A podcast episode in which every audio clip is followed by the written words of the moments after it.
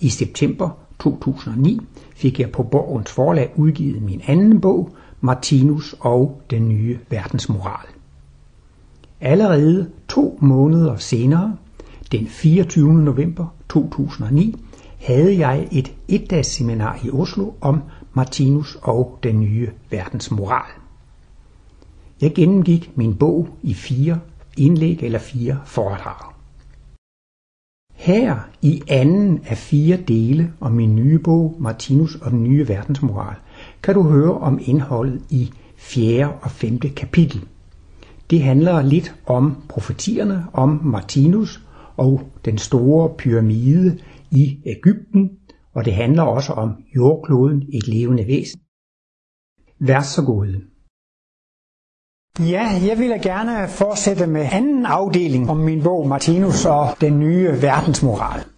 Og vi er jo så kommet til det tredje kapitel, som handler om profetier.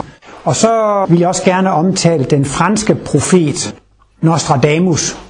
Og øh, han levede jo på 1500-tallet. Og han skrev sine profetier fra 1555 til 1558. Og øh, han skulle have skrevet øh, 1000 vers. Jeg tror, man mangler nogle få nu. Han lavede et centurion, det vil sige, han lavede 104 linjede vers. Det var et centurion, og dem skulle der være 10 af. Så det skulle være 1000 vers, men jeg tror, der er en af de der centurier, der kun er på nogen 60, så der mangler sådan lige øh, lidt. Og øh, det var meget interessant, det han skrev. Og det er et sted, hvor Nostradamus selv forklarer, han har ikke skrevet sine profetier for at advare mennesken. Han har ikke skrevet sine profetier for at prøve på at, at lave fremtiden om. Han har skrevet dem for, at menneskene bagefter kan være overbevist om, at det er en guddommelig styrelse. Og det synes jeg er interessant, ikke? Fordi når man læser profetierne, tingene er sket, så læser man profetien, så kan man se, det var da fantastisk. Det kunne man forudse for 1500 Altså, så må der være en højere mening, en højere styrelse. Det var det, der var meningen med Nostradamus profetier. Det var ikke sådan det, at, at han profeterer om, at der kommer en tredje verdenskrig, men hvis I er artige og gode, så kan I undgå det. Det var ikke hans mission at prøve at frelse eller redde nogen, men han ville bringe vidnesbyrd om, at der er en Gud, der står over det hele, og der er en guddommelig planlægning med det hele. Men selvfølgelig også fordi, at han levede i den katolske tid, hvor det jo også stadigvæk var en form for inkvisition. Så derfor skulle han jo passe på med ikke at komme i konflikt med den katolske kirke. Og derfor blev de jo så tit pakket ind i et slags symbolsprog, som øh, man først kunne forstå bagefter. Jeg kan ikke huske detaljerne. Man kan ikke være med at nævne det alligevel. Det var noget med en fransk konge, som blev dræbt i en, øh, i en tvekamp, hvor man rider på hest, og man har lanse, og man har sådan et bur over hovedet. Og der er også en profeti om, om et spyd, der går ind i buret, og det er jo ingen, der forstår, hvad det drejer sig om. Men bagefter, da det var en konge, som var blevet dræbt ved, at lansen var gået igennem det bur, han havde om hovedet, så kunne man se, jamen det må være den begivenhed, som den profeti sigtede til. Men før anede man ikke, hvad det, hvad, hvordan kan man forudse det, at der er en lanse, der vil gå ind i et bur. Det, det kan man ikke forstå. Men bagefter forstår man, hvad det drejer sig om. Og øhm, der er en dansker, som hedder Billenstein, som har skrevet en bog om Nostradamus, opklaringen af Nostradamus profetier. Og den bog har Martinus stående, eller den står på instituttet i, i Martinus mindestue, og Martinus var meget glad for Billensteins fortolkning af Nostradamus profetier. Der var en anden dansker, som hed Holenberg, som har skrevet en fortolkning af profetierne, men det sagde ikke Martinus så meget. Men øh, Billenstein har et kapitel i sin bog, som hedder Den nye tro. På fransk står der loi, og det betyder jo lov og ikke tro. Og på en måde så er det jo en endnu bedre karakteristik af Martinus åndsvidenskab. I stedet for at kalde den for den nye tro, så er det faktisk bedre at kalde det for den nye lov, fordi åndsvidenskaben påviser jo netop naturlovene, så det er jo egentlig et meget træffende udtryk. Så har Billenstein altså gået en lang række forskellige vers, de kommer spredt hen over det hele, og så har han så refereret nogle, øh, hvad skal man sige, karakteristiske træk ved den nye tro. Og det er jo blandt andet det, at øh, man skal væk fra at have biskopper og præster og helgen og mellemmænd. Man skal gå over til at have et eget personligt øh, gudsforhold. Og et af versene, som er meget specielt, kommer Nostradamus ind på, at i fremtiden vil man øh, forlade denne barbariske skik med at brænde menneskets lig. Som Martinus skriver så meget om i bisættelser, som jeg også tager op i, i bogen her. Så det er også det er sådan, synes jeg, en ret specifik ting at tage frem, at man vil gå bort fra at, at brænde menneskenes øh, lig. Der findes sådan andre forskellige træk, som jeg ikke kan nå at komme ind på. Men der er et vers, som er meget interessant. Der står nogle, frans, nogle franske byer, og det er udtryk for Nostradamus fødested, eller fødeby, eller opholdssted. Disse franske bynavne, de må relatere til øh, Nostradamus selv. Og så står der noget om øh, pyramiden i deltaet, og det må jo være pyramiderne ved Giza, der nede i Nildeltaet ved Ægypten. Og så står der noget om fyrsten af Danmark, eller prinsen af Danmark. Så det er altså et vers, hvor Nostradamus selv, og hvor pyramiden i Ægypten og prinsen af Danmark bliver koblet sammen. Og det er jo en meget øh, interessant øh, sammenkobling. Sådan så, at det ligesom er, at Martinus bliver koblet til, til pyramiden, og på en måde altså også, at Martinus bliver nævnt i øh, Nostradamus' profetier. Jeg har bladret lidt i, i dansk, øh, det jeg ved det, OM, Okult Magasin, eller Okultisten. Det var Øh, det blad, som Martinus første gang skrev i. I 1932 skrev Martinus en artikelserie i OM, eller Okultisten, som så senere blev til bogen om et, Menneskehedens øh, skæbne. Og i det blad var der en omtale af Nostradamus profetier om manden fra Norden. Og det har jo altid været sådan lidt mystisk, manden fra Norden. Jeg så nu ikke det udtryk i Billensteins bog, men derfor kan det jo godt være et andet sted. Der var også noget med, at der skulle gå en flod af lys fra Norden ned over hele Europa. Der skulle løbe altså floder af lys ned over Europa. Men, men det var noget med, at, at denne nye bevægelse ville blive stoppet af kongen af Rom. Og kongen af Rom kunne nemt tolkes som paven. Og det kunne måske også tolkes på et eller andet tidspunkt, at det tredje testamente måske ville blive lyst i band, fordi at øh, den katolske kirke ville måske se det som en konkurrent. Nu er der jo så få, der interesserer sig i det tredje testamente, så det er jo ikke værd at skrive hjem om, eller værd at nævne. Men hvis det engang får en meget stor tilslutning, så kan man jo se det som en modstander.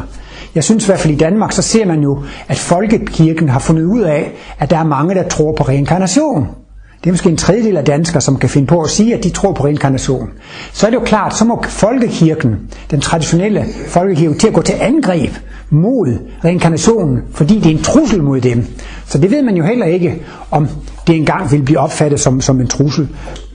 Der findes nogle nidkære religiøse i Danmark, som også har noget, der hedder dialogcentret. Og de klassificerer Martinus ganske enkelt som en falsk profet. Fordi altså Gud vil sige, det her det tredje testament og sådan og sådan. Øh, og Jesus sagde jo også, at man skulle passe på, for i de sidste tider skulle der komme mange falske profeter. Men en ting, man skal huske på, det er, at de skulle ikke være falske alle sammen. Der skulle jo være én rigtig, ikke? En rigtig, og resten falske. Det er jo ikke sådan, at alle er falske, der kommer frem, vel? Og netop det der med, at de skulle, verdensfrelseren skulle jo komme og hjælpe menneskene. Og Jesus siger, at de skal komme i de sidste tider. Og i de sidste tider, det er jo der, hvor børn, hvad hedder bror, slår bror ihjel, og børn sætter sig op mod forældre. Og øh, Martinus mener jo også, at Jesus havde forset, forudset atombomben. Der er et sted, hvor der står, ved, ved dem, altså stakkels de mennesker, som er frugtsommelige i de sidste tider. Og det kunne jo godt, for man så jo ved Nagasaki og Hiroshima, at de, der kom til at lide mest under det, det var jo faktisk de børn, som var fostre i moderlivet og fik radioaktiv stråling. De, de blev jo livsvejt handicappede, så det kan man jo også virkelig sige. Eller også børn ved dem, som giver de, ikke? Altså, øhm, og det, der er også noget med, at der skal man ikke gå ind hvis de der er på taget, eller man skal ikke gå ind og samle sine ejendele, man skal flygte med det samme. Så Martinus mener altså, at Jesus har forudset sin genkomst til de sidste tider. Og de sidste tider er jo ifølge Martinus tiden med verdenskrigene. Og han siger, at der kommer mindst to verdenskrige mere, hvis det kan forslå. Og dommedagen, de sidste tider, Ragnarok, Armageddon eller kataklysmen, kataklysmen, de begyndte med første verdenskrig og går videre med anden og, og fortsætter så. Det er fordi, at vi skal gøre tilstrækkelige erfaringer med krig for at tage, tage afstand fra det. Men det er virkelig sådan profeteret, at det skulle komme i de sidste tider.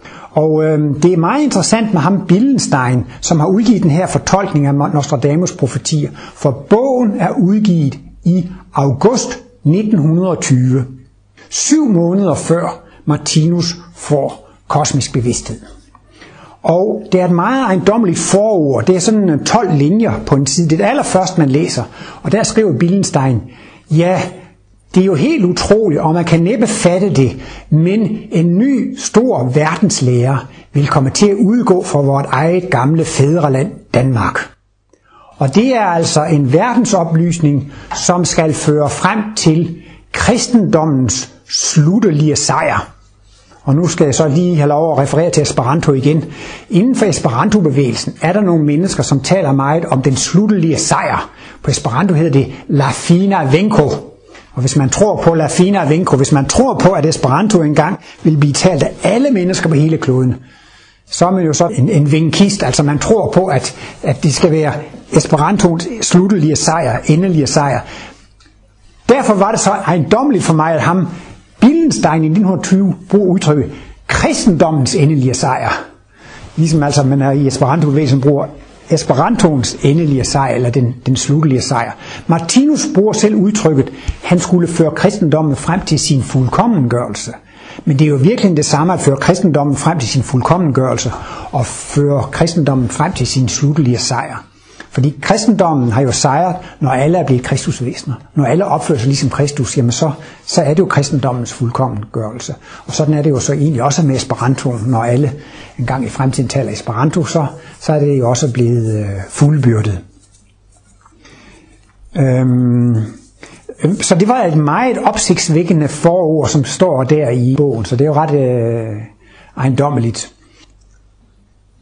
Men altså, man må sige, at sådan som Billenstein lægger sit kapitel op om den nye tro, så er der så mange karakteristiske træk, som siger, jamen det stemmer med kosmologien, det stemmer med kosmologien, det stemmer med kosmologien. Det og så især det der med pyramiden, det havde jeg til at begynde med, udelukkende til at være et kapitel om profetier, men så bestemte jeg mig alligevel for at lave et fjerde kapitel, som hed Pyramidens Hemmelighed. Og der er det jo så altså, at, øh, at Nostradamus knytter Martinus til øh, pyramiden ved dette vers, som handler om Nostradamus, og så fyrsten af Danmark. Og øhm, Martinus har også udtalt forskellige ting om pyramiden. Først og fremmest, så mener Martinus, pyramiden var ikke et gravkammer. Det var et indvielsestempel. Og øh, nogle af de der små detaljer, som er stødt på, det er jo det, at Martinus mener, at der har været nogle mennesker, som har materialiseret sig her på kloden, som har hjulpet med til at bygge pyramiden. Vi mennesker, vi kan tale med hinanden, og vi kan undervise hinanden. Og Martinus, det var et eksempel på, at der kom en kosmisk bevidst på dette klode. Så har der været et kosmisk bevidst menneske, som har undervist mennesker uden kosmisk bevidsthed. Det har Martinus gjort ved at holde foredrag og ved at skrive bøger. Så er det heller ikke så svært at forestille sig, at hvis nu at jordkloden er et levende væsen, så findes der masser af levende jordkloder i hele universet. Der er nogle jordkloder, som har kosmisk bevidsthed, og så er nogle jordkloder, som endnu ikke har kosmisk bevidsthed. Så derfor er det jo ikke så svært at forestille sig, at det kan være en klode med kosmisk bevidsthed, som underviser en klode, som ikke har kosmisk bevidsthed. Og Martinus har blandt andet i artikelsamling 1, jeg kan ikke lige huske, om det er artikel nummer 7 eller nummer 9, men der han, forklarer han, hvordan han kunne jagtage at fra Mælkevejens centrum, fra et planetsystem eller solsystem i Mælkevejens centrum, går der en stråle af lysende kosmisk stof ned på vores planet, som bliver modtaget i de skandinaviske lande. Og det var meget ejendomligt, Martinus siger altså, at det er et eller andet centrum i, i Mælkevejen. Nu skal jeg lige sige, at vores Mælkevej, det er sådan en spiralgalakse. Og der er i vores galakse eller Mælkevej 200 milliarder sole. Og det er jo 200 milliarder, det er altså samme som 2 gange 10 i 11. 2 gange 10 i 11 sole er der i vores mælkevej. Det er et vanvittigt stort tal, og de, de er jo mest koncentreret i midten, og vi, vi er sådan lidt ude i, i en arm, lidt, lidt længere ude. Så der har Martinus altså kunnet jagte, at der findes en planet, hvor de har nået det rigtige menneskerige. Det er altså en planet, hvor der er fysiske kristusvæsener. Denne planet underviser vores planet. Og det gør den jo altså ved at sende en kosmisk lysstråle. Der kommer altså en inspiration, en kraft. Og når vi bliver inspireret af kosmologien, så er det også takket være, at der går sådan en bølge ind over vores klode. Og Martinus siger, jeg ville slet ikke kunne være født her, jeg ville slet ikke kunne have lavet mit værk her, hvis ikke det var understøttet af det. Og i forordet til den øh, intellektualiserede kristendom, det tredje testamente, der taler Martinus også om, at det, der nu sker på vores jordklode, det er udtryk for en makrokosmisk viljeføring. Og det synes jeg altså, jordkloden bliver jo faktisk skabt om til en fuldkommen planet. Allerhøjst kan man sige, Gud skaber mennesket i sit billede i sin lignelse efter sit billede. Og så kan man også sige, at Gud skaber jordkloden. Så altså jordklodens forvandling fra en glødende ildkugle, fra en planteplanet, fra en dyreplanet til en planet med rigtige mennesker, det er udtryk for en skabeproces. Og det er vældige makrokosmiske kræfter, altså, altså det er jo selve Gud, men det er jo klart, at Gud har jo, Guddom har jo uddelegeret arbejde, så det er jo en vældig makrokosmisk viljeføring, som er med i jordklodens udvikling frem mod fuldkommenhed. Og med i denne makrokosmiske viljeføring er der altså også det, at der er en planet med kosmisk bevidsthed, som underviser vores planet. Og det kan vi mennesker så modtage som inspiration. Og lige sådan er det jo sådan, at vi har nogle centre i hjernen, som er forberedt for at forstå de kosmiske analyser. Og der er det jo som Martinus advarer mig imod alkohol og narkotiske stoffer. Han siger, det er meget skadeligt for de nye hjernecentre. Det er især de hjernecentre, som er forberedt for at kunne modtage intuition, som er særlig følsomme for alkohol og, og narkotika. Det tåler de ikke. Men omvendt så siger Martinus også, jeg kan ikke huske, det er enten artikel nummer 7 eller 9, der i artikelsamlingen, hvordan sådan et hjernecenter kan blive bombarderet bombarderet med, med kosmiske impulser. Og det bliver man jo faktisk under et foredrag ved at læse Martinus bøger, arbejde med hans værker osv. Så får man jo også noget kosmisk viden ind, som på, så stimulerer disse hjernecentre. Men altså længere ned ad vejen, så har vi også hjernecenter for religiøs tro. Det er også klart, når man går i og der er blevet prædiket for en, så har det også været et bombardement af åndelige impulser, som virker ind på disse hjernecentre. Og så var det 10 hjerneceller, der var med på det, og 100 og 1000 og 10.000 og 100.000 millioner, millioner hjerneceller. Altså det er jo flere og flere, der nok at tage. Vi har vist 10 til 100 milliarder hjerneceller. Men altså, det kommer sådan en påvirkning udefra, som så stimulerer vores. Og på samme måde, så er vores klode også blevet stimuleret udefra. Og når vores klode bliver stimuleret udefra, så bliver vi også stimuleret udenfra. Og der har altså været nogle rigtige mennesker på en planet i Mælkevejens centrum, som har materialiseret sig her på kloden, som har hjulpet til med at bygge pyramiderne. Er der en spørgsmål eller en kommentar? Jeg bare på, er det noget konkret, hvad planeten heter? Nej, der bliver altså spurgt om, hvad planeten hedder. Altså, Martinus, han nævner ikke så må, så må sige, konger og kejser og præsidenter ved navn. Han lærer jo ikke lande. Han prøver altid på at gøre det meget generelt. Og for mig er det faktisk lidt af en overraskelse, at han nævner det med Mælkevejens centrum. Og det viser sig også, at det er ikke i hovedværket, han gør det. Han gør det i artikler, og tit er artikler udtryk for foredrag. Og der er han åbenbart lidt bredere, lidt bredere i det. Men jeg vil da sige faktisk øh, godt det samme, at han ikke har nævnt et navn. Men altså man kan sige, at øh, det er, hvis nu det drejer sig om Mælkevejens centrum, der er ikke nogen stjernebilleder.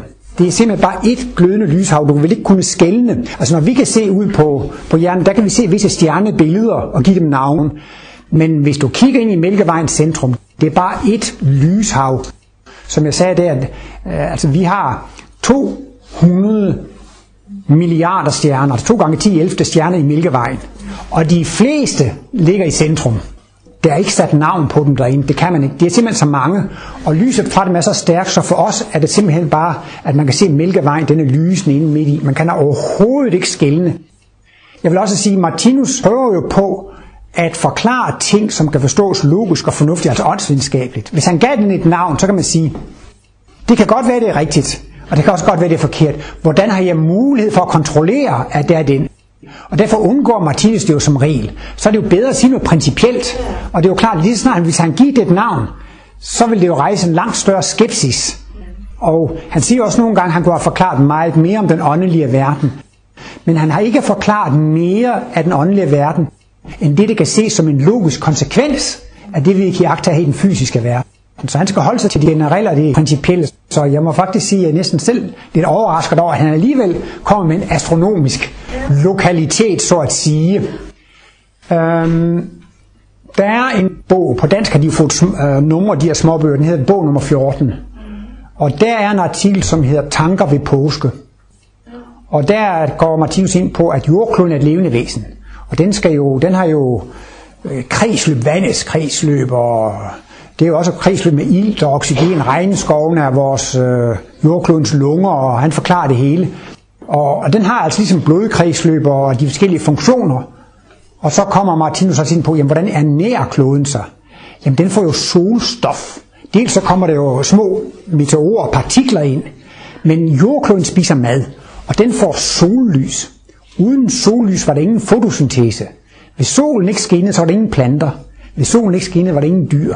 Det vil altså sige, at det, at der er planter og dyr og mennesker og biosfære, ikke, det er jo fordi, at kloden får ernæring i form af solstof. Og der i den artikel fortsætter han så med, men jordkloden får vel også, den skal også have noget åndelig næring.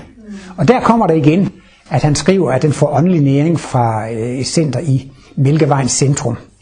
Og der har han ved en lejlighed koblet til, at for 90.000 år, 90.000 90 år siden, så var menneskene kommet så langt frem i udviklingen, at de kunne påvirkes ved undervisning.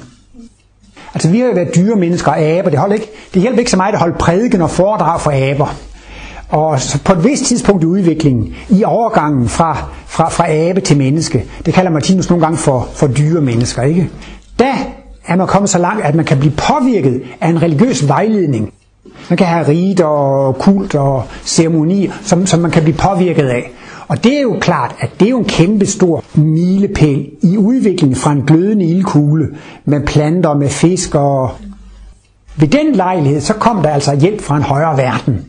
Og øhm, Martinus mener, at pyramiden er sådan omfang og så genialt indrettet, at den er lavet ved øh, psykiske kræfter.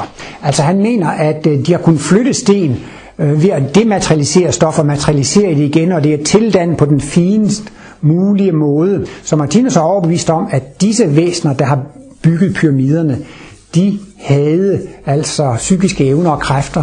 Han har også været inde på noget specielt, som nok bliver publiceret i en artikel længere frem, men han er inde på forholdene i det rigtige menneskerige, hvor han siger, der vil man også kunne komme til at transportere kufferter og kasser og fragtgods af tankens vej. Så vil det materialisere det et sted, og så vil man sende det afsted som stråleform i materie og materialisere det et andet sted. Nogle gange spørger man sig, hvorfor kunne man ikke bare materialisere det lige fra begyndelsen af? Men jeg tror også, han sagde, at de der pyramidebygger, de kender også til, til kraftlinjer. De kendte til astrologien, og de kendte til stjernerne, og også til kraftlinjer i jordens organisme, sådan så de altså ligesom kunne sende dem afsted. Martinus udtaler sig næsten aldrig om astrologi, men i forbindelse med det gamle Ægypten siger han, dengang var det en stor videnskab. Men principielt, så må man sige, det Martinus viser i sin kosmologi, det er, der er en sammenhæng mellem makrovæsen og mikrovæsen. Det er jo det, der hedder livsenhedsprincippet. Loven for tiltrækning og frastødning gør, at alle levende væsener inkarnerer på det rigtige sted, på det rigtige tidspunkt. Og det er jo meget tæt på astrologi. Altså, jeg kan jo ikke sige, at astrologien i dens detalje, om det er rigtigt. Men princippet i det er jo rigtigt. I kraft af loven for tiltrækning og frastødning og livsenhedsprincippet, jamen så kommer, bliver man født ind lige der, hvor man passer ind på det rigtige tidspunkt. Der er også noget med, at ikke Josef, en af de der jøder, som kommer til at leve i fangenskab i Ægypten. I fængslet så brillerer han med at tolke drømme. Og så hører farao jo også om hans evner for at tolke drømme. Og så kommer han op til farao, og der er den her drøm i Bibelen med de syv magre køer og de syv fede køer. Når først kom de syv fede, og så de syv magre. Der kom syv år, hvor de ville få stor høst, og syv år med ringe høst. Så må de spare op i magasiner og lager og så videre. Så det viser jo også der, at det er altså en gammel tradition, og Martinus sagde, at det var en videnskab dengang. Men det er ikke det, fremtiden ligger i. Det, der ligger i fremtiden, det er faktisk det personlige, intuitive gudsforhold. Det er der, man skal få al informationen i fremtiden. Man skal ikke sysle egentlig med astrologi og drømme og sådan noget. Fordi når vi kommer længere frem i udviklingen, så kan vi selv få det hele direkte fra Gud af intuitiv vej. Så det er jo det, der er fremtiden. Men det er jo fantastisk. Men det, man engang talte om det jordkloden syv under, og de er væk alle sammen. Undtagen pyramiden, det er den eneste, der består. Der var jo kolossen på Rhodos, og de hængende haver i Babylon, og, og Artemis-templet osv. Der var sådan, man havde klassisk i verdens syv under, det var altså de syv mest fantastiske bygningsværker. Men det er kun pyramiden, der består, ikke? Og den har så altså bestået i 90.000 år. Og det mener Martinus, meningen med det store byggeri, de kunne godt have forklaret folk lidt øh, religion og stimuleret dem i deres udvikling, men meningen var altså, at pyramiden skulle være et bevis på eksistensen af en højere verden. Man kan sige, at pyramiden det er et visitkort fra en højere verden. Den vidner om, at der findes en bevidsthed, der er så højt udviklet, at den kan beherske materien. Ikke sandt? Så på den måde er det jo faktisk også et tempel eller et mindesmærke i dag. Det er et vidnesbyrd. Det er et bevis på, Martinus siger, for dem, der kan se det, eller for dem, der forstår pyramidens sprog, ikke sandt? der er det jo helt oplagt, at det er et bevis eller et vidnesbyrd om en højere verden. Men det er klart, at er man materialist, så, så vil man ikke se det, og så kan man jo heller ikke se Men det, jeg synes, det er interessant i forbindelse med Martinus, det er, Martinus knytter Jesus til pyramiderne, han knytter sig selv til pyramiderne. Han ser det som et og samme projekt. Det er fuldstændig homogent koblet sammen. Man kunne jo godt tro, at folkekirken, de vil sige, at det der med pyramiderne, det er jo nogle gamle hedninge, som levede dengang. Det har vi ikke noget med at gøre. Så jeg synes alligevel, det er interessant. Martinus sammenligner med haven, så er det jo altså en gartner, som skal få noget til at blive til, ja hvis det er en køkkenhave, så skal det jo gerne være frem til noget spiselig mad, eller det skal se flot ud med blomster. Og så kommer gartneren måske hver uge og, og lurer lidt og vander lidt og kigger, altså Gardner må jo følge lidt med hen i årets løb for at passe sine vækster, for at det skal vokse frem til det bedst tænkelige resultat. Og sådan siger Martinus så, at disse verdensfrelser og disse verdensgenløser er jo også ligesom gardnere, som skal holde øje med deres lille vækst og se, hvordan den vokser frem. Så derfor er der med jævne mellemrum kommet verdensgenløsere for at følge op på det. Men starten blev lagt, grunden blev lagt med pyramiderne, ikke? Så Jesus mission, Kristus mission, det er direkte linje, det er samme projekt som pyramiderne. Og Martinus' arbejde er jo også en direkte videreførelse af det med pyramiden, så Martinus har jo også følt sig tæt knyttet til pyramiderne. Og det interessante er jo, apropos det her vers med Nostradamus, der knytter Nostradamus og pyramiderne og Martinus sammen, at i Martinus egen dagligstue, der stod der den her bog om Nostradamus, og han havde et vægtæppe med Sphinxen og pyramiderne. Og de var så i Martinus dagligstue, og Martinus var meget glad for det der vægtæppe, som jeg også har bragt et billede af i bogen der. Så, så der var jo også ligesom sådan en, en, en konkret sammenknytning til, til Nostradamus-bogen og pyramide vægtæppet, der hang hos Martinus. Og jeg tror også, der er en Buddha-figur, og han er jo meget optaget af de her store verdensgenløsningsting. Så har Martinus selv kredset lidt om, et citat fra Bibelen af Jesus, som er gådefuldt. Og det er noget med, at Jesus siger til folk, hvis I tiger, og ikke vil sige sandheden, hvis I tiger, så skal til sidst stenene råbe. Til sidst skal stenene tale. Og det er jo meget gådefuldt. Hvad mener han dog med det? Og der har Martinus vist to udlægninger af det. Og den første udlægning, det er simpelthen, jamen, stenene i pyramiden, de taler pyramiden taler, for dem der forstår sproget, så taler pyramiden om en højere bevidsthed, en højere verden. Så, så der kan man faktisk sige, stenene taler allerede, og måske er det altså direkte pyramiden, som Jesus sigter til, når han siger, så skal stenene tale. Men noget andet er altså, udover man kan sige, for de der forstår sproget, kan man se, at stenene taler allerede nu. Men det kan være, at de skal komme til at råbe i fremtiden, hvis man gør nogle fund, som på en eller anden måde kan kobles til kristendommen eller kobles til Martinus mission. Og der er jo øh, hvad hedder, nogle okultister og så videre, esoterikere, som er meget overbeviste om, at der findes et hemmeligt kammer imellem Sphinxens forben. At der skulle være et stort øh, bibliotek, et stort kunstskatkammer, altså at der virkelig skulle være opbevaret en masse fantastiske ting, som jo altså ville kunne forklare kontinuiteten i hele verdensgenløsningsprincippet. Og øh, der, man arbejder også inde i pyramiden, og Det er jo er det 5-10 år siden, de har en lille robot, der kørte op i en luftkanal. Og for første gang så stødte man så på en lille dør af træ med noget koverbeslag på, eller, eller, øh, og man arbejder altså videre på projektet. Og man kunne jo godt forestille sig, at man ville gøre et fund, som ville være så opsigtsvækkende, at man ville kunne sige, at stenen er råber. Jeg skal nu måske passe på med at sige det, men jeg har selv haft den fantasi, at det her strålekors af Martinus, tænk hvis man fandt det hugget ud i en granitsten inde i pyramiden.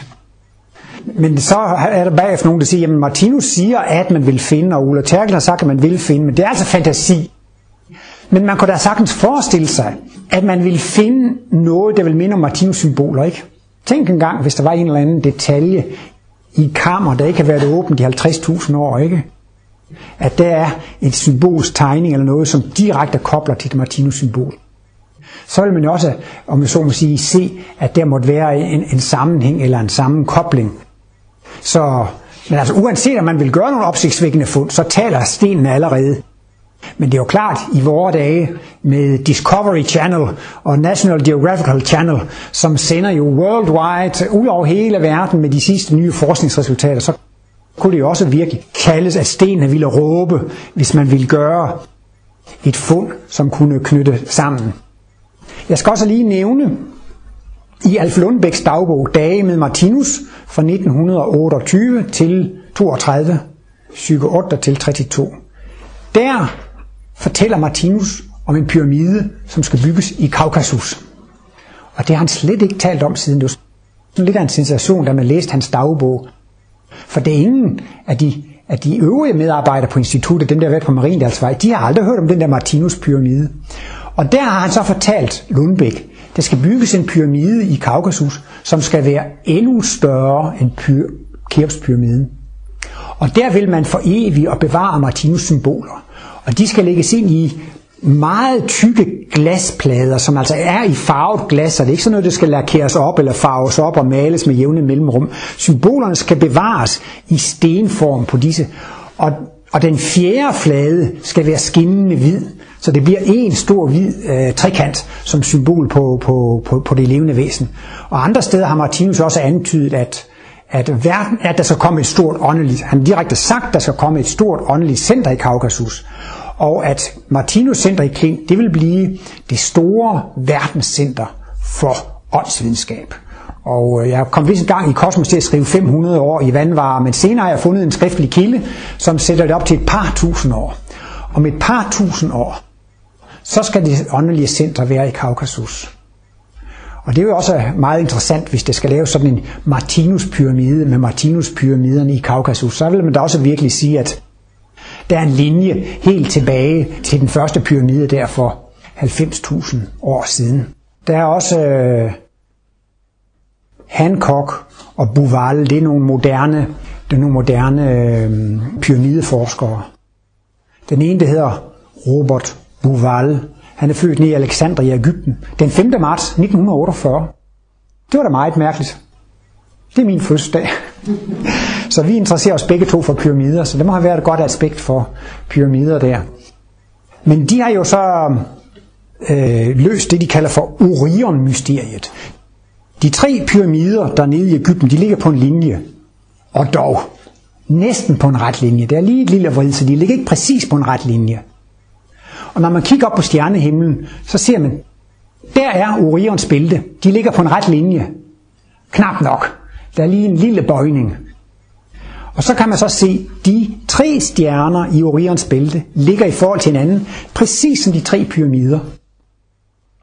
Så er der forskellige størrelser på pyramiderne, og hvis man måler lysstyrken på de tre stjerner i, i bæltet, så er de også med forskellige lysstyrker. Og den mest lysstærke stjerne, den ligger der, hvor den største pyramide, og den der mindst lysstyrke ligger der, hvor den, den lille pyramide ligger. Og så er der jo så også noget med, at man kan regne ud, at for 12.500 år siden, så pegede den gang lige præcis op ud. Jeg kan ikke huske, om det er Sirius, og ved forårs jævndøgn lige ved det tidspunkt, der stod jeg tror det er Sirius eller Osiris, altså det der, jeg kan ikke huske de der detaljer med stjernebillederne og navnene der.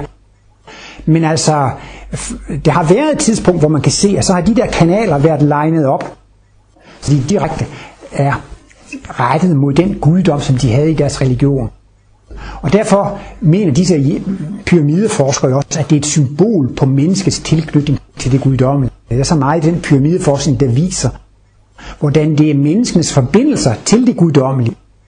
Og der så derude i stjernehimmeluniverset, det er et symbol på det guddommelige. Det er så faktisk altså også blevet øh, materialiseret på jorden. Øhm, Martinus har skrevet en artikel, som kom i Kosmos nummer 1292. Det er en juleartikel, hvor han går ind på verdensgenløsningsprincippet. Og der nævner han også pyramiden, fordi at det er jo meget centralt i forhold til verdensgenløsningsprincippet. Og der siger han, der vil man finde ud af, at alle videnskabens store principper er nedlagt i pyramiden.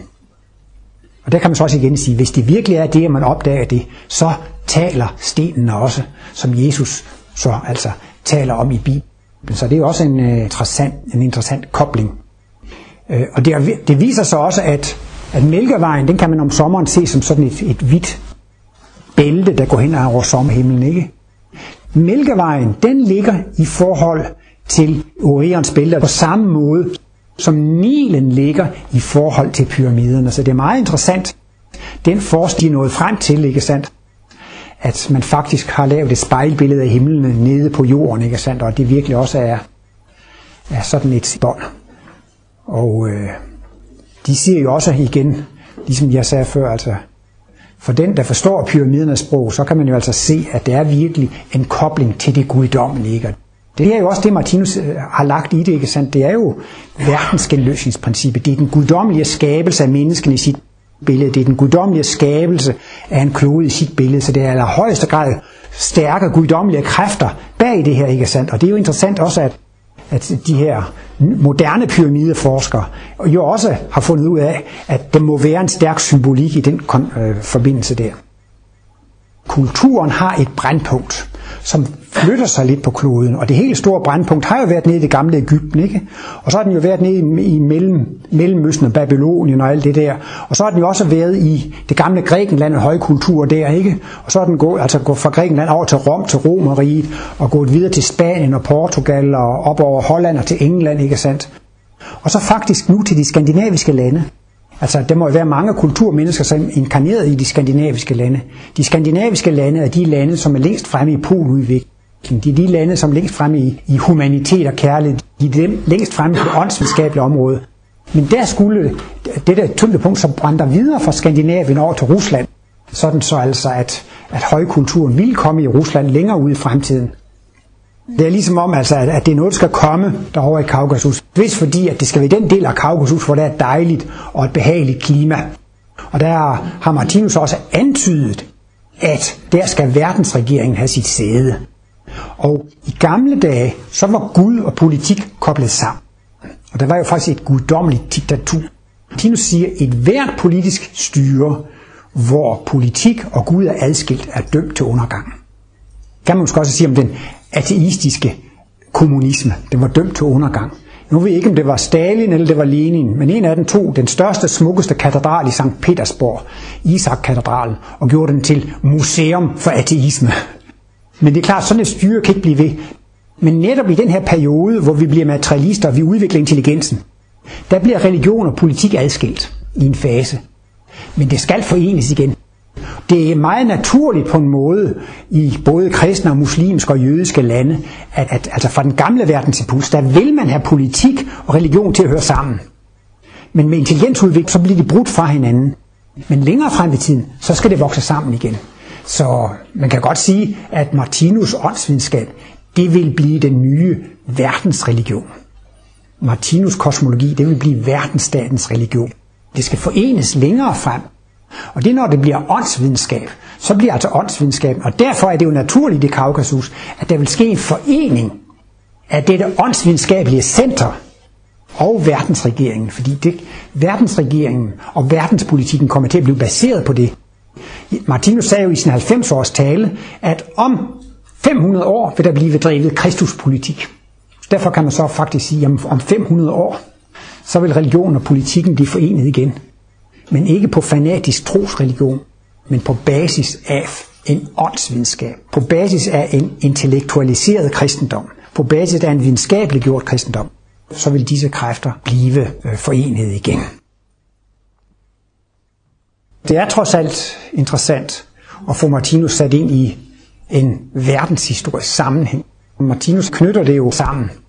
Hele verdensgenløsningsprincippet altså startede faktisk for 90.000 år siden. Ikke? Og, og så har vi jo så måske 3.000 år tilbage, før vi får etableret dette rigtige menneskerige, hvor flertallet af jordens mennesker vil have fået kosmisk bevidsthed. Så har jeg i 5. kapitel skrevet om jordkloden som et levende væsen.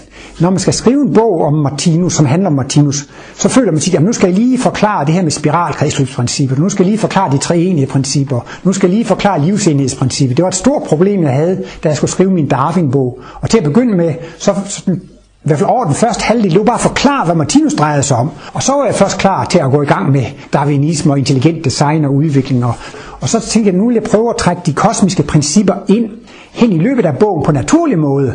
Og så tager jeg jordkloden som et levende væsen. Så er det meget nemt at trække livsenhedsprincippet ind på den måde. Så valgte jeg sådan et emne, som er let tilgængeligt, sådan at man fik en lang række kosmiske principper ind, bare ved at forklare, hvordan jordkloden er et, øh, et levende væsen. Martinus har skrevet meget om jordkloden som levende væsen, men utrolig spredt. Så har han skrevet i den artikel og den artikel, og lidt i den bog, lidt i den bog. Det, det, det er meget spredt. Og derfor synes jeg selv, at jeg gjorde sådan en nogenlunde pænt arbejde med at gå ud og finde alle de steder, hvor Martinus skriver noget om jordkloden som levende væsen, og prøve at samle det et sted. Og Martinus går jo lidt ind på, ud fra de rent fysiske forhold, at argumentere for dit levende væsen. Ved at gøre sammenligninger og analogier med vores krop og jordklodens krop. Jamen kan ikke se, vi ånder, jamen jordkloden ånder. Vi har stofskifte, og jordkloden har et stofskifte, og jordkloden den får ernæring, og vi får ernæring. Han laver sådan en lang række ting.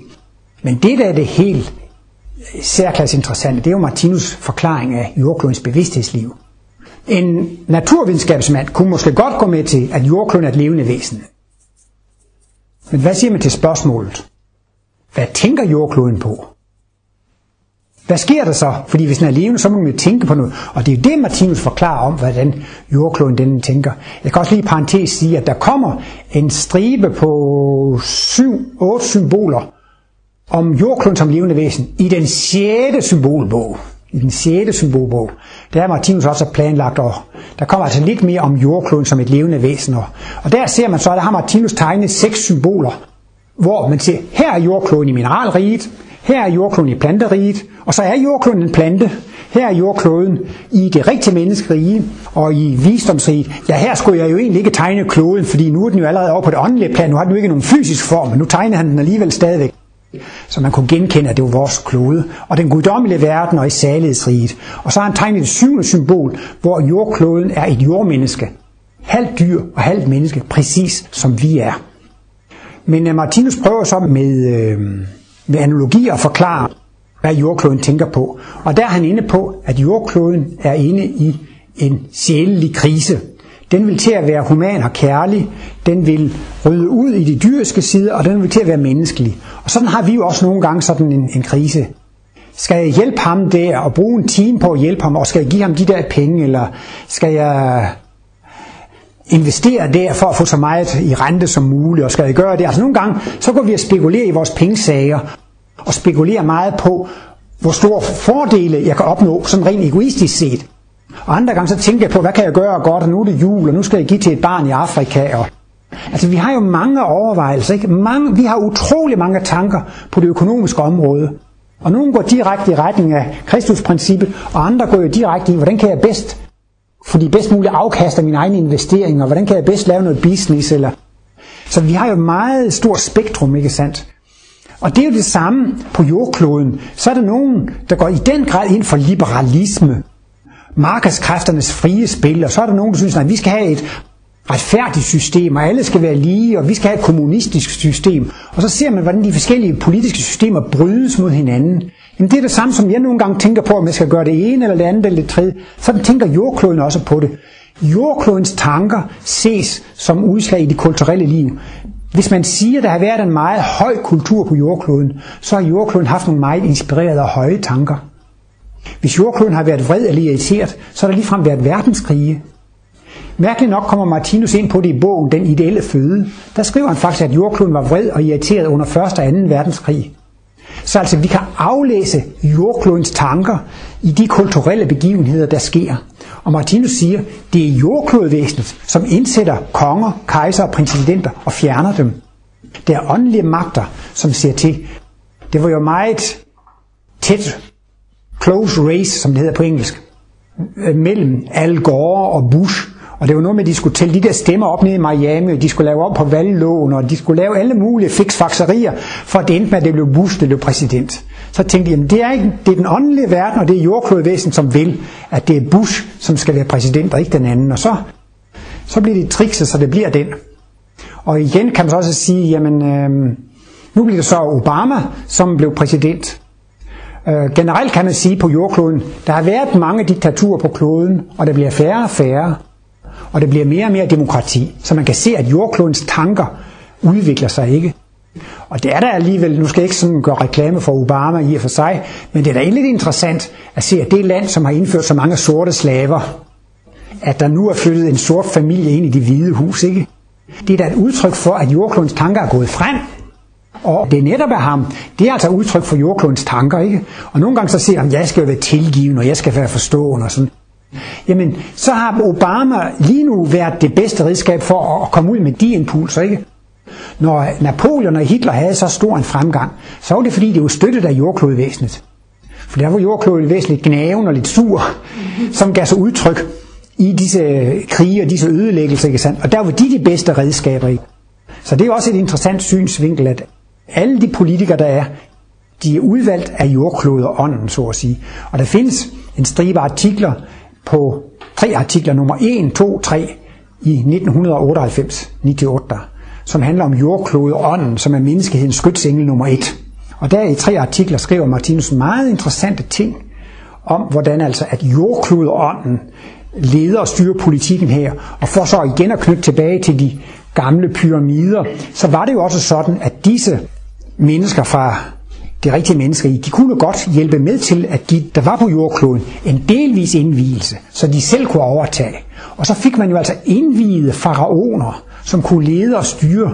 Men i virkeligheden var de jo så faktisk indvidet i jordklodeåndens viljeføring. Altså, når jordkloden vil sætte sin vilje igennem på menneskelig plan, så skal de jo have nogle redskaber, som er modtagelige for jordklodens vilje. Det er også lidt interessant, at Hitler jo skulle have været meget psykisk og ukult, ikke sandt? I øvrigt var han vist også vegetar og ikke ryger og ikke drak ikke alkohol og så Han var altså alligevel sådan noget modtagelig for de åndelige kræfter, men det var også lidt skævt jo. Så han kunne... Hitler, Hitler, ja altså, Hitler var noget psykisk. Og, og, og, og, og derfor skal man måske også være. Vi har nogle få rester. I Danmark taler man stadig om, at kongen er konge af Guds nåde. Altså jordklodånden er i virkeligheden Guds nærmeste repræsentant i makrokosmos i forhold til hele universet er Gud, ikke? Så solsystemet og jordkloden, det er jo Guds nærmeste repræsentant hos os. Så på en måde kan man også godt sige, at jordklodånden repræsenterer jo på en måde for os Guds ånd, ikke sandt? Så, så tidligere har det været sådan, at faraoner og konger var indviede i, i jordklodånden. Men der havde man et guddommeligt diktatur. Nu har vi udviklet vores tænkeevne, og Martinus kosmologi skal hjælpe med til at stimulere menneskene til en selvstændig forståelse af livet, til en selvstændig tænkning. Jamen så kan det jo ikke nytte noget, at vi har det her guddommelige diktatur længere. Og så får vi et demokrati. Og så begynder de enkelte individer i samfundet at blive lige så kloge som kongen, måske ligefrem klogere end, end kongen og dronningen, ikke sandt? Og så, så går det der guddommelige diktatur jo lidt i opløsning, og efterhånden så er kongemagten jo også rent symbolsk, fordi så udvikler demokrati sig, og det det skal gøre, ikke sandt? Så, så længere ud i fremtiden, så skal det politiske liv, som sagt, jo baseres på åndsvidenskaben. Øh, og øh, der vil jeg måske også gerne lige komme ind på det her med verdenskrigen. Altså, øh, hvis man lever usundt, så bliver man syg, ikke? Og så så lærer man, det skal man så ikke gøre, så holder man op med det. Så begynder man at gøre en anden fejl, så bliver man syg af det, og så holder man op med at gøre det. Når så laver man en tredje fejl, så bliver man syg af det, og så holder man op med det. Så man kan sige, sygdom, det er vejen til sundhed, fordi der får man at se, hvad det er, man gør forkert. Ikke? Og lige sådan kan man altså også sige, krig, det er vejen til fred. Man er nødt til at have noget krig. Altså nu kan vi sige, den, eller i det her i Norden har vi, Vesteuropa har vi mange livsstilssygdomme. Hvis man ryger, og drikker og spiser fed mad og spiser sød mad, og hvis man ikke motionerer, så får man med næsten sikkerhed øh, diabetes øh, type 2, altså sukkersyge, og så får man også øh, hjertekarproblemer. Men nu lærer vi jo af de fejl, og så holder man op med det. Men det er jo vejen til sundhed, at vi får lov til at lave de der, de der fejl. Og der mener Martinus så, at verdenskrigene er i virkeligheden pacifistfabrikker. Efter hver krig er der nogle mennesker, der siger, nu vil jeg ikke i krig mere. Men det kan være, jeg aner det ikke, man skal måske have været i krig 100 gange eller endnu mere, før man definitivt tager afstand fra krig. Ikke? Og så er man jo nødt til at gøre sig de erfaringer, ikke? Og hvis man tager en kriger, eller en soldat, der gerne vil i krig, og så en pacifist, så er pacifisten faktisk den største, øh, den, den, der har den største erfaring i krig. Pacifisten har fået så meget erfaring i krig, at vedkommende overhovedet ikke vil mere, ikke sandt? Altså at, at man tager afstand fra det jordkloden står, skal jeg nu være, være hård her, eller skal jeg nu være kærlig? Sådan har vi også nogle gange, nej, ham der vil jeg ikke hjælpe, han har fornærmet mig i går, så nu vil jeg ikke have med at gøre, nu undgår jeg ham, jeg vil ikke have noget med ham at gøre. Jamen så er man jo, jo lidt vred på ham, og så kan man sige, ah, men måske skulle jeg sige, jamen jeg kan også lave fejl, og jeg tilgiver, altså man kunne række en hånd frem og så videre. Altså vi kan jo også have sådan en kamp i vores relation til, til andre mennesker, ikke? og sådan en indre kamp har jordkloden jo altså også. Hvis jeg er meget vred på et andet menneske, så virker de tanker måske ind på et organ, som gør, at jeg bliver syg. Så skader jeg mit mikroverden, ikke sandt? Og sådan er det så altså også. Hver gang der er et diktatur, hver gang der er et land, der har været et diktatur, og diktaturet falder, så har jordkloden været inde på mere tilgivende tanker. Og det, vil, det er nemt nok at kritisere Milosevic og Papadok og Hitler og Kaiser Bokassa og hvad de hedder alle sammen. Sådan er vi virkelig ikke. Men altså, de har forværret livsforholdene for menneskene i et land, ikke? Men vi gør selv det samme, når vi er vrede og irriterede og ikke tilgivende. Så danner vi et diktatur i forskellige organsystemer. Så det er også en meget interessant kobling. Og derfor kan man også se, at jordklodens bevidsthed er under udvikling, fordi der bliver flere og flere demokratier, ikke sandt? men der er stadigvæk jo politiske kriser og konflikter. Det, der sker i Irak og Afghanistan, det er jo også en slags kamp i jordklodens bevidsthed. Skal det være sådan, eller skal det være sådan, og der er kræfter, der brydes mod hinanden? Præcis ligesom vi nogle gange kan vælge spalte, skal jeg gøre det eller det? Og nogle gange så vil jeg gøre det, og nogle gange vil jeg gøre det. Nogle gange går man det menneskelige, og nogle gange går man det dyrske. Men verdenskrigene er udtryk for en udrensningsproces. Det er krigen, det er det dræbende princip, det er det dyrske, der bliver udrenset. Og det er en ret dramatisk proces. Men Martinus siger flere gange, efter næste verdenskrig, så vil kloden blive løftet op på et højere kristusplan. Og i symbol nummer 44, elsker hver andre, i fjerde symbolbog, siger Martinus, at jordkloden vil blive slynget ind i en ny kosmisk bane. Det er altså virkelig en udrensningsproces. Efter man har haft alle de lidelser og smerter og så videre, så er menneskene blevet meget mere pacifistiske. Så det er mærkeligt, at resultatet af verdenskrigene, det er en mere human og kærlig klode jordklodvæsen, der er også noget, der den skal lære at føle. Ikke? Og den kommer også til at føle en masse smerte, resultatet af, af, af sin vrede. Martinus siger, at når vi er vrede med andre, så kan vi slå en anden ned. Men problemet er bare, inden de vrede tanker ud til den anden, skal det igennem mit eget system. Og der kan man så dræbe mig i sit eget system, inden det når, når derud. Det vil sige, at man, man bliver syg af det. Men altså det, det mest fantastiske ved det, det er, at alle krige, kriser og konflikter, det skaber bevidsthed. Det skaber en højere bevidsthed. Og Martinus siger, at man skal ikke være bange for krigen. For krigen udrydder sig selv. Og man skal ikke være bange for krigen, hvis man er fredelig. Og han har jo sagt flere gange, de skandinaviske lande er de mest fredelige lande. Og Skandinavien er beskyttet, og man skal ikke være bange Øh, for krigen i, i disse egne. Og ellers er det også, når man forstår analysen, jeg må jo få den lidelse, som er nødvendig, for jeg kan lære det, og har jeg ikke den erfaring, så må jeg jo have den, og har jeg den, så er det jo dejligt, så slipper jeg for det. Men der var en gang, der spurgte Martinus, hvad kan vi gøre, når krigen kommer? Ja, det kunne han jo ikke sige, hvad du og du og du skulle gøre, men det gælder om at holde sig selv på ret køl. Man kan sige, hvis der er en verden, der er i krig, så er det jo mange enkelte celler, mennesker, som er helt nedtrykt og ude af den, ikke?